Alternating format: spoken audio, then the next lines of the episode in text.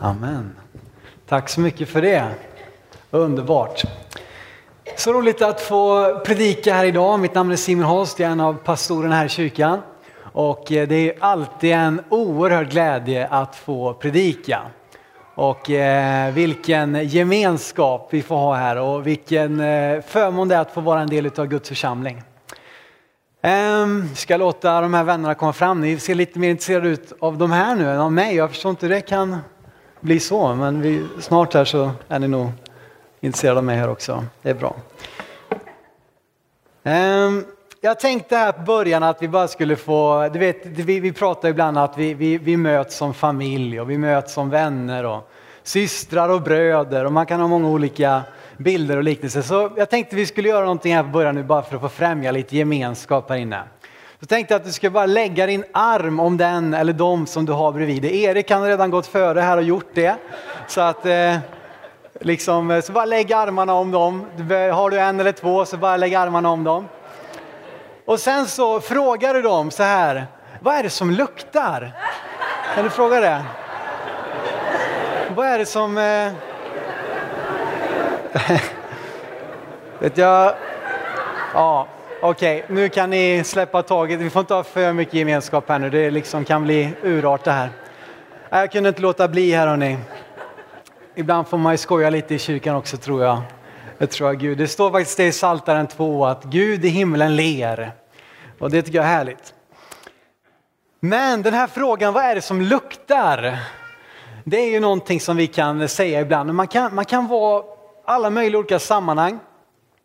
Och så, eh, så, så funderar man liksom, vad är det egentligen som luktar här? Och det kan ju vara både positivt och det kan vara negativt. Ehm, men eh, du vet att oavsett vilken miljö du är du kan gå in i den finaste salong med liksom marmorpelare och det är liksom vacker inredning, dyra möbler och det är allt är bara underbart liksom. Ehm, men så är det någonting som luktar och den där doften kan förstöra hela miljön. Det spelar ingen roll hur fint det är för att om det inte luktar bra så, så, så, så, kan, så orkar man inte vara där. Va? Och eh, jag var med om en intressant sak. Jag var på en kristen rockfestival, en metalfestival i Bobfest heter den, i Linköping när jag var tonåring. Och vi åkte dit, eh, jag var ju den enda som var blond och, och, och liksom eh, sådär va, och kort hår. Eh, men jag var med där ändå, det var många liksom med långt svart hår och sådär, var riktigt liksom rockig stämning här. Men man sjöng till Jesus och sådär. Första bandet, ett finskt band som heter Callisto. Och så gick vi fram och ställde oss rätt så långt fram då, vi skulle ju lyssna här. Och så är det första låten då, de drar på, det är ganska tung musik sådär. Och så händer det någonting som, som fick liksom hela atmosfären att ändras. För då är det liksom 30 stycken finska män som längst fram med långt hår tar av sig t-shirtarna och bara börjar ställa sig så här och veva med håret. Och, och där var det också en fråga, jag funderade lite, vad är det som luktar egentligen? Och, och, även om jag försökte lyssna på bandet kände jag, jag tar nog några steg tillbaka här för det här var någonting som jag inte riktigt var beredd på. Och så där är det, vi sprider en doft omkring oss. Och nu pratar jag inte om parfymer och om eh, ja, vad vi nu har för andra dofter som luktar, utan vi sprider en doft omkring oss. Och vi ska läsa ifrån andra Korinthierbrevet 2, 14 ehm, till 15. Jag skulle vilja läsa ifrån en, en, en, den här nya översättningen Message som har översatts till svenska eh, för att få detta på, på ett lite nytt sätt här. Så du får gärna följa med på skärmen. Du kan också slå upp det och läsa din egen bibelöversättning senare. Men det står så här. Genom Messias, genom Kristus, för Gud oss från det ena stället till det andra i ett enda långt triumftåg. Överallt låter han oss förmedla bekantskapen med Kristus.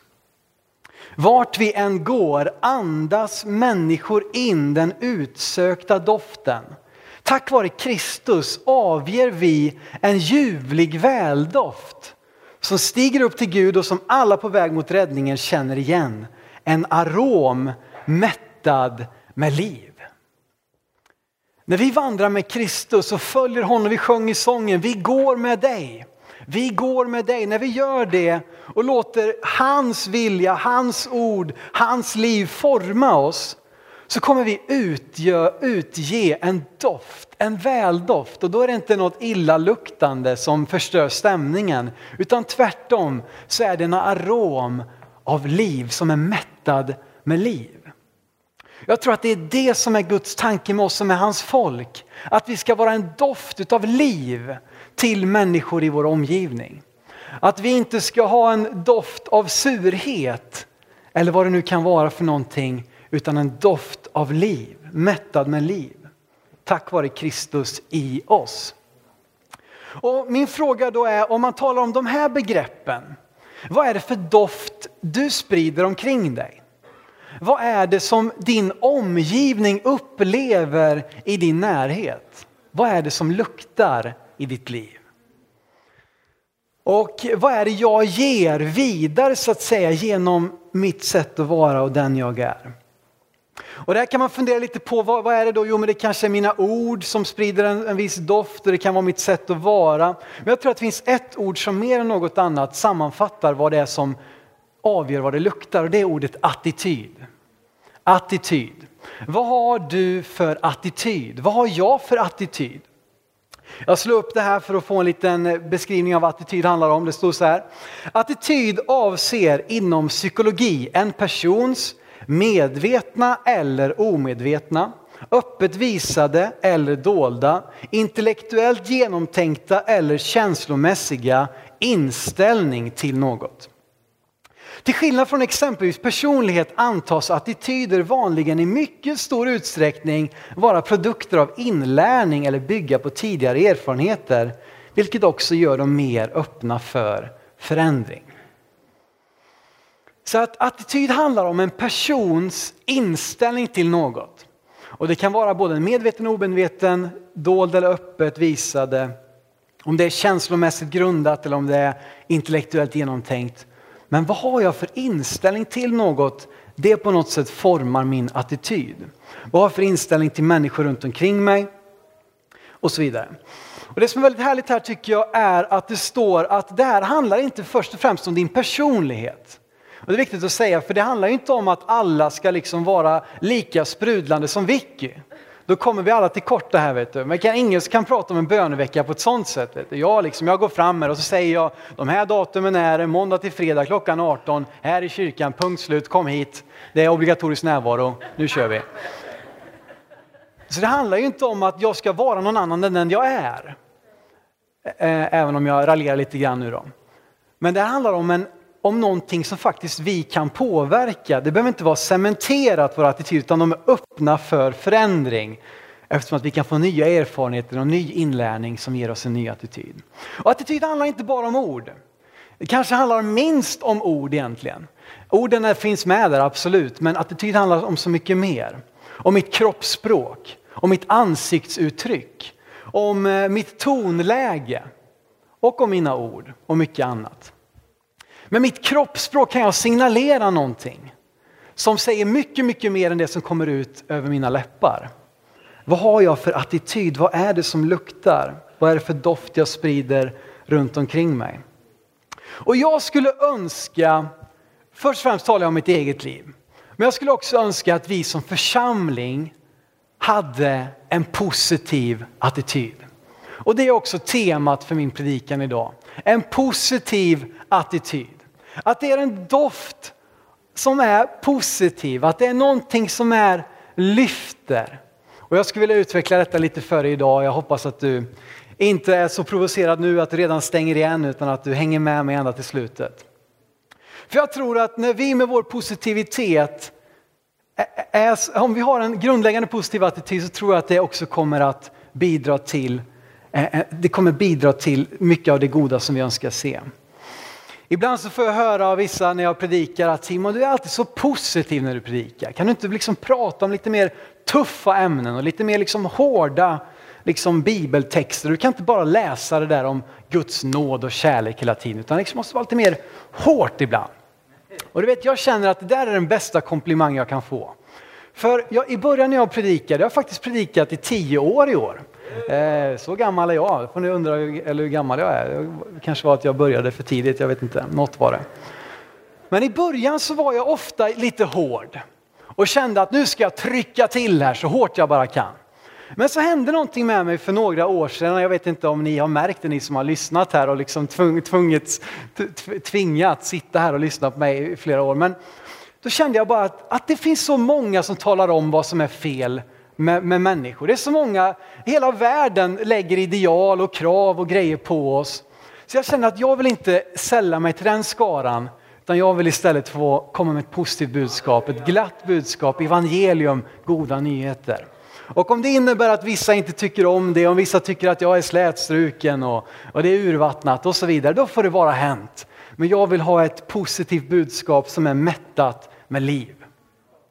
Vet du vad, vi kan leva våra liv precis som vi gör när vi öppnar tidningen på, på, på, på morgonen. När jag var liten så var ju det någonting som var roligt i tidningen så var det ju det här som är Finn fem fel. Eh, det är väl någonting liksom, det, det, var inte, det krävdes inte så mycket tankeverksamhet utan här var det liksom två bilder, gärna lite färgglada och så ska man då finna fem fel. Jag tänkte, kan ni hjälpa mig att hitta fem fel här nu? Det är alltså den vänstra sidan är rätt, högra sidan är fel. En glasskula mindre på toppen. Hicken, hjärtan. Ja, nu får vi lugna ner oss lite. Jag kan inte bara ropa ut här Alexander. Nu är du tyst, där räcker man upp handen. Här borta hade vi någon. Carlos, Spaden upp och ner, då har vi tre.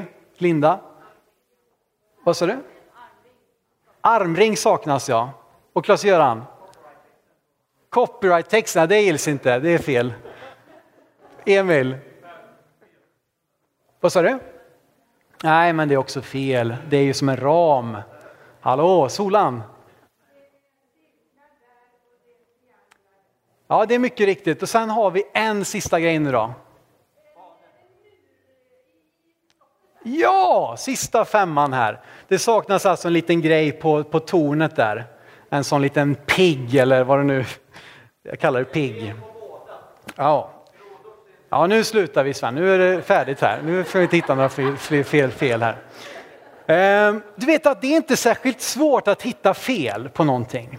Vi kom fram till detta ganska snabbt. Och det som är, medan det här är en rolig lek så är det en fara tror jag om man går genom livet med att ständigt utföra finn fem fel. Jag går till butiken och finner fem fel. Jag går till restaurangen och finner fem fel på min maträtt. Jag tittar på tv och tänker, vad har jag fem fel? Jag går till kyrkan med en attityd av, nu ska jag finna fem fel. Jag läser, jag lyssnar på predikan eller jag, jag, jag tar liksom, ska hitta den drömprinsen. Men jag hittar hela tiden fem fel så jag kan inte hitta någon drömprins här. Men newsflash här liksom, det kommer alltid finnas minst fem fel. Och ibland kan man känna, ja så hittar du inte fler än fem fel. För att det är inte svårt att hitta fel.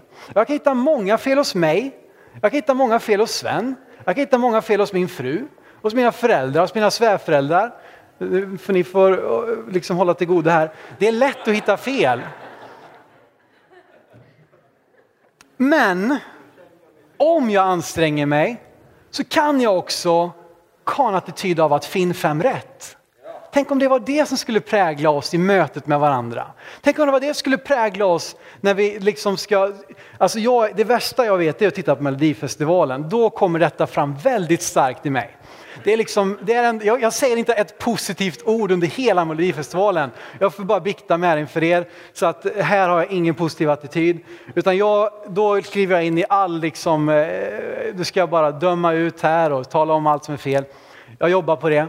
Men, men så är det. Va? Men, men det är inte svårt att hitta fel. Men tänk om jag istället ansträngde mig för att se det som var positivt. Va? Vad skulle det göra med oss? Därför att jag har mött så mycket under de här åren här som pastor och som ledare. Då får man lite extra mycket kanske att man hör och lyssnar in människors saker man har upptäckt som var fel. Och det som är märkligt för mig är att det finns så många som vet hur saker och ting ska göras. Men ändå är det så lite av det som händer. Så många tycks veta hur man ska få en församling att växa. Ändå ser vi så få växande kyrkor. Så många tycks veta hur en predikan ska hållas och om vad och med vilka ord och så vidare. Ändå är det inte så jättemånga som predikar. Så många tycks veta hur man ska vinna en människa för Jesus och tala om vad som är fel med någon annan sätt att försöka vinna en människa för Jesus. Ändå så vinner man inte så många människor själv för Jesus. Vi har en, någonting nedlagt i oss. Den här världen lär oss att vara kritiska. Den här världen lär oss att vara skeptiska. Den här världen lär oss att inte ta någonting för givet, liksom inte ta emot någon sanning utan hela tiden hitta kritik. Det är lite inne och lite hippt. Man är lite cool om man är väldigt kritisk och skeptisk till saker. Och jag tror inte att det är positivt när det kommer in för mycket i kyrkan. För att kommer vi, lever vi våra kristna liv som en recensent eller gör vi det som en tillbedjare? Det finns en avsevärd skillnad där. Recensenten kommer till olika sammanhang och lyssnar på predikningar, åker på allt vad det nu är, som liksom och gör sig till domare över det som sägs och görs. Och talar om, det här är rätt, det här var fel, det här var väl okej, okay, men det här var inte okej. Okay. Medan alltså en tillbedjare ödmjukar sig inför Gud. Inte därmed sagt att ingenting var fel, det är inte det jag säger. Vi kan hitta så många fel så att vi skulle liksom kunna skriva en bok. Va? Men jag vill komma till Gud inför honom som en tillbedjare. Ödmjuka mig inför honom. Ska vi läsa från Johannes evangeliet kapitel 4, ett par verser där. Här letar jag efter något. Åh, oh, tack Johan. Alltså Johan, han är en sån hjälte alltså. Jag, ja, han är värd en applåd. Jag bara räcker mig ner här så kommer liksom vattnet bara forsandes. Strömmar av levande vatten. Johannes 4, 23-24, Jesus säger så här. Den tid kommer, ja den är redan här, då sanna tillbedjare ska tillbe Fadern i ande och sanning. Ty sådana tillbedjare vill Fadern ha. Gud är ande och de som tillber honom måste tillbe i ande och sanning. Det står att sådana tillbedjare vill Fadern ha. Han vill ha ett folk som tillber honom och tillbedjan handlar inte om allt det som vi ibland diskuterar om, utan det handlar om min attityd gentemot Gud. Att jag har en attityd av tillbedjan i mitt liv och i mitt möte med andra människor, när jag kommer till kyrkan, var det än är. Därför att söndagens gudstjänst är inte tid för fin fem fel eller för utvärdering. Söndagens gudstjänst är tid för att fira gudstjänst inför honom. Sen får vi göra vad vi kan under veckan för att göra det ännu bättre söndagen på. Men just när vi kommer så kommer vi hit med en attityd av tillbedjan och att få möta Gud. Du vet, vi kan ha ganska kort skärpedjup ibland. Jag gillar att fotografera. Jag blev introducerad till foto utav en vän som heter Ludvig. Han gav mig faktiskt en ganska bra analog systemkamera. Sen har jag haft det som en hobby och liksom fotat och sådär. Ehm, och när man fotar så har du en bra kamera med, med liksom ett, eh, ja, nu ska vi inte bli för tekniska här, men du kan i alla fall ha ett kort skärpedjup i en bild. Och det innebär att du liksom får fokus på ett objekt och sen blir allt det andra suddiga. Det handlar om bländartal, det handlar om andra saker, vi ska liksom inte dyka ner här. Men med den här kameran, om jag går nära den här mikrofonen och så tar jag här och så fokuserar jag och så har jag ett kort skärpedjup. Jag fokuserar där borta i backdropen och så tar jag en bild. Då kommer det kunna se ut ungefär så här. Att ni ser micken är ju där men det är inte den som man ser utan man ser det som är längre bak även om det kanske inte är världens tydligaste bild. Men fokus är inte på micken utan fokus kommer ända där borta som att jag har ett kort skärpedjup. Men om jag tvärtom sätter fokuset på mikrofonen tar en ny bild, knäpper av, så kan det se ut ungefär så här. Ser ni? Nu kom det fram någonting helt annat i bilden. Nu ser man ju att det är en mikrofon där. Medan det andra blir ganska suddigt. Och nu är inte detta en fotokurs här idag. Men någonting jag vill säga med detta är att man ser det man fokuserar på. Är du med på det? Vi ser det som vi fokuserar på. Jag tror det kan vara farligt att gå genom livet med för kort skärpedjup. Eh, visserligen blir det en mycket snyggare bild om du har ett kort skärpedjup, men det är inte det vi pratar om nu. Men att gå genom livet med ett alltför kort skärpedjup kan innebära att jag fokuserar på en liten detalj och så ser jag inte allt det andra för att jag har bara fokus där. Och om det dessutom råkar vara någonting som är ett fel då, till exempel finn fem fel, någonting negativt, så kan jag missa allt det som var gott för att jag fokuserade bara på en sak. Efter årsmötet här förra veckan så kom en man till mig och sa så här att det är inte alls så bra som du och Sven försöker säga efter att vi hade dratt de här siffrorna. Det är inte alls så bra.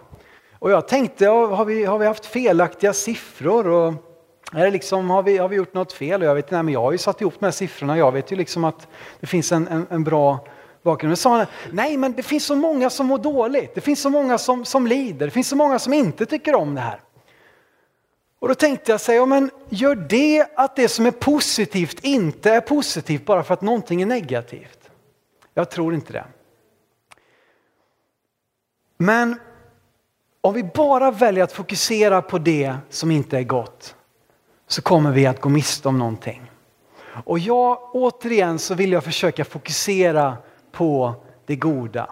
Inte att man förnekar det som inte är gott, men genom att fokusera på det goda tror jag också att vi kan komma till rätta med mer och mer saker som inte är så gott. Om jag aldrig fokuserade på det goda, då skulle jag ha skilt mig för länge sedan. Jag och Karolina har inget perfekt äktenskap. Det är liksom en illusion det här perfekta äktenskapet. Det finns ingen som har det. Om jag bara hade fokuserat på det som var negativt med vårt äktenskap hade jag skilt mig för länge sedan. Om jag bara hade fokuserat på det som var dåligt med den här kyrkan så hade jag lämnat den här kyrkan tre dagar efter studenten, om ens det räcker.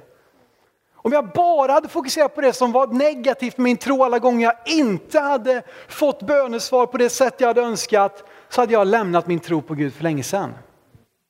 Om jag bara hade sett det som var negativt för min idrottsklubb, Börna Boys, då hade jag lämnat den klubben för länge sedan. Men jag vill fokusera på det goda. För då tror jag också att vi kan komma till rätta med det som inte är så gott.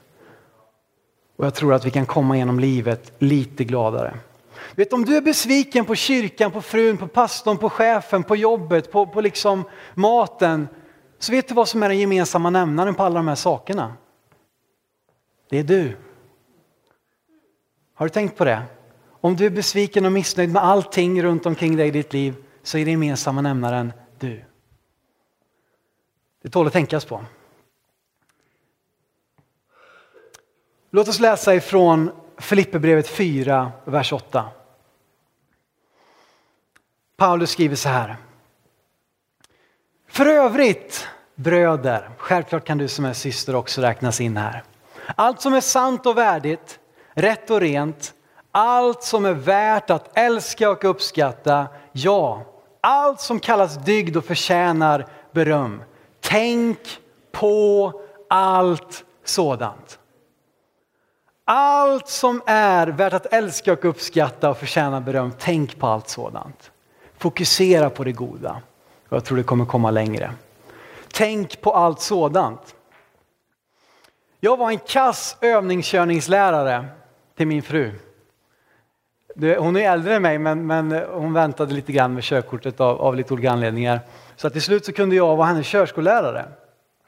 Eh, eller alltså eh, körskollärare heter det inte men, men övningskörningslärare.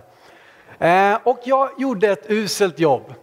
Därför att jag då som hade kört bil ett antal år, jag, hade liksom, jag la ju märke till du vet, varenda liten detalj som, som jag tyckte då att hon gjorde fel. Och jag är ganska snabb då att påpeka det också. Så att även om Karo liksom gjorde framsteg så ja men det där och det där och tänk på det där och liksom koppla lite tidigare, koppla senare, gasa mer, bromsa hårdare, sväng tydligare, växla tidigare. Liksom titta där, titta vänster, titta höger, bromsa, tänk på bilist, eller liksom cyklisten som kommer på höger sida och, och här är det heldragen, nu står du på en heldragen, nu parkerar du, nu hamnar du på linje med höger däck och liksom. Jag kan hitta allt de här små sakerna. Och ibland Ganska ofta så slutade våra övningskörningssessioner med att Karos bara stannade, klev ur bilen och sa jag kör inte en meter till. Eh, och det berodde inte på att hon var så dålig på att köra, för hon klarade, hon hade ju tagit sig så långt. Va? Men det berodde väldigt mycket på mig som övningskörningslärare. Att jag bara ofta hamnade på det hon inte gjorde rätt, eller korrekt eller helt perfekt.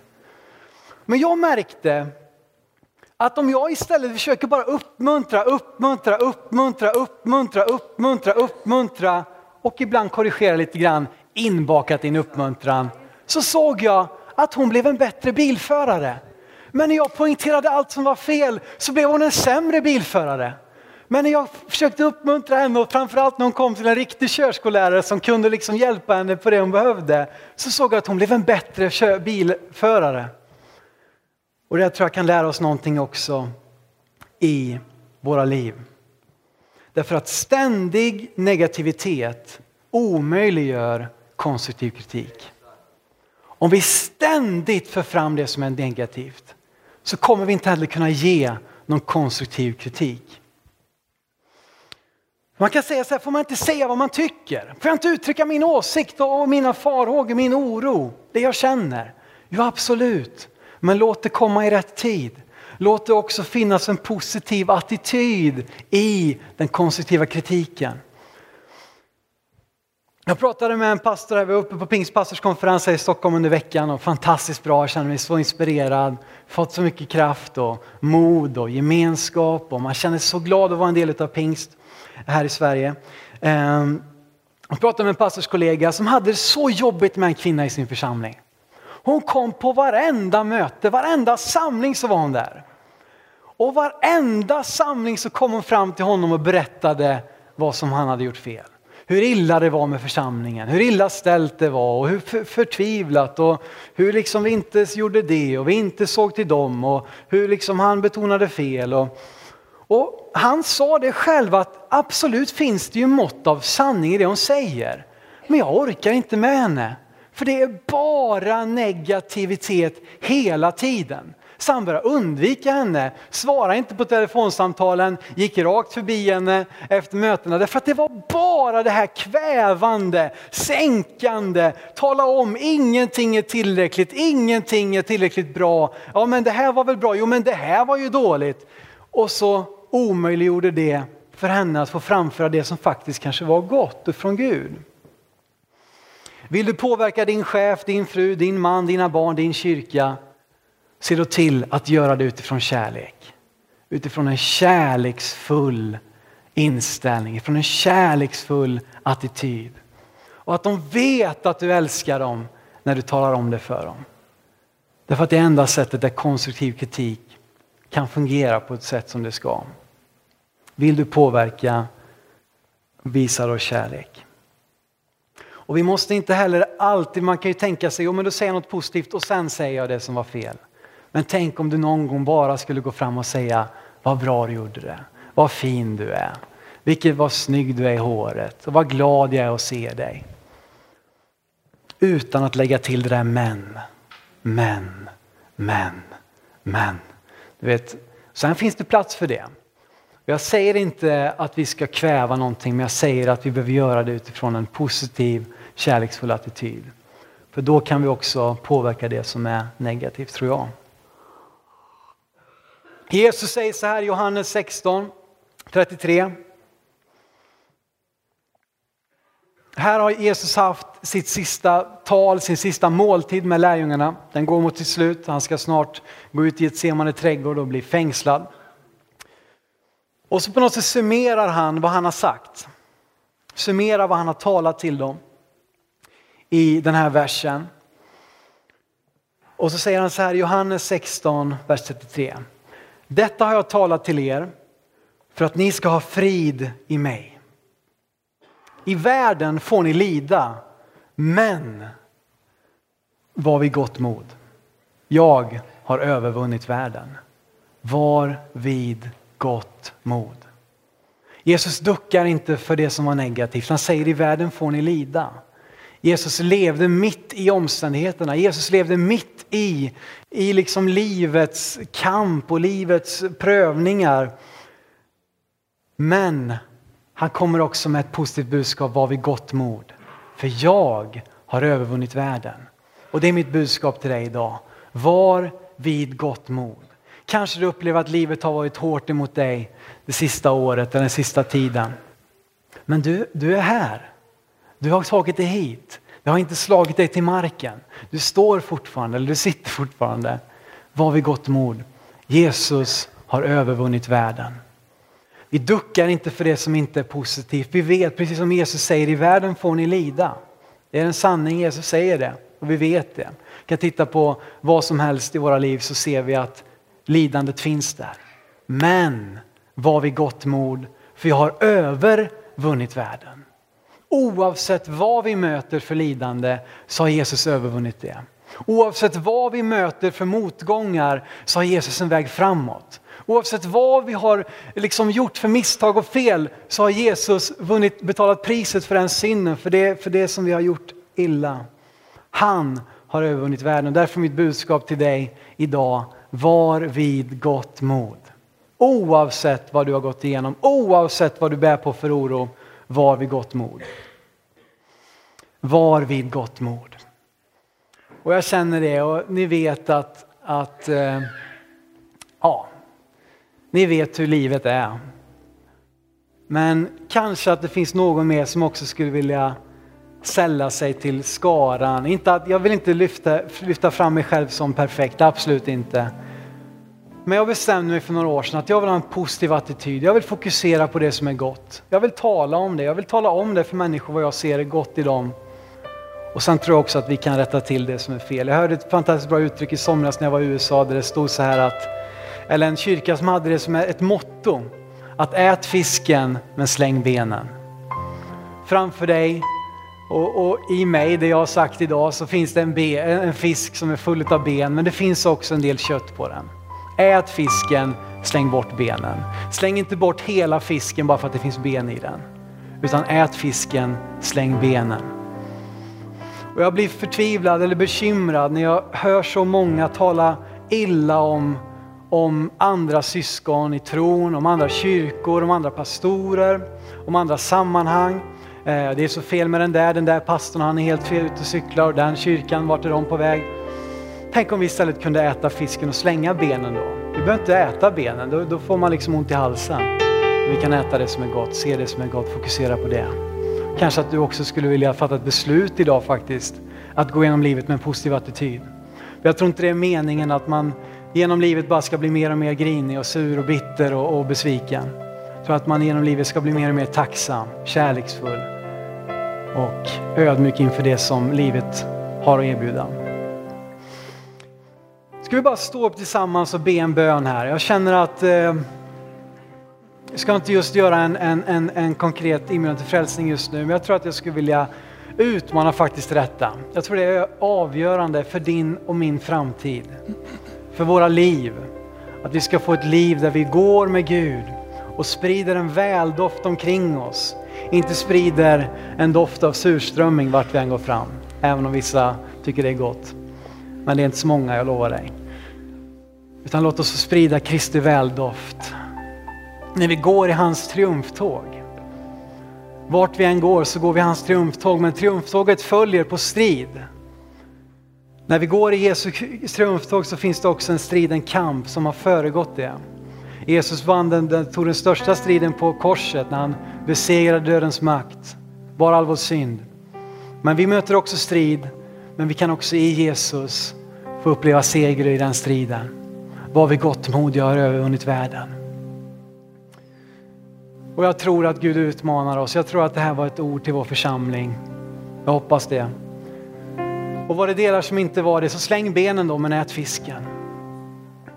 Om att vi skulle få genomsyras av en positiv attityd, att det är den doft vi skulle sprida omkring oss. Om du känner att, att du vill vara, vara med på det, kan du bara be med i den här bönen nu som jag ska be. Fader, jag tackar dig för att du inte gav upp om människan bara för att vi gjorde fel. Vi svek dig i Edens lustgård, vi gick vår egen väg. Men du valde att se det goda du hade planterat i oss. Du valde att se till din ursprungliga tanke, till skönheten, till likheten som du lagt i, i människan och valde att iscensätta historiens största räddningsaktion för att rädda oss, Herre. Vi tackar dig för den inställning som du hade. Inte ens när vi svek dig på det tyngsta sätt och tydligt gick emot dig så övergav du oss, utan du valde att se på fröet av din likhet som finns i oss, Herre.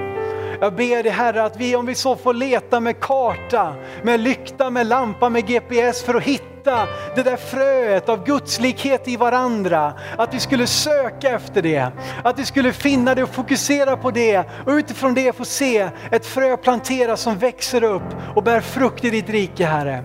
Jag ber Herre att vi inte skulle dras med i världens tänkande som hela tiden lär oss att vara skeptiska, kritiska och allt vad det är. Tala om allt som är fel, finn fem fel i livets alla avseenden. Vi låter oss inte gå med utan låt oss gå i ditt triumftåg så att den doft vi sprider oss inte är en doft utav pessimism och utav eh, liksom besvikelse, bitterhet, utan det får vara en doft utav Kristuslikhet. En doft som är mättad med liv. Herre, jag ber, börja med mig. Börja med mig.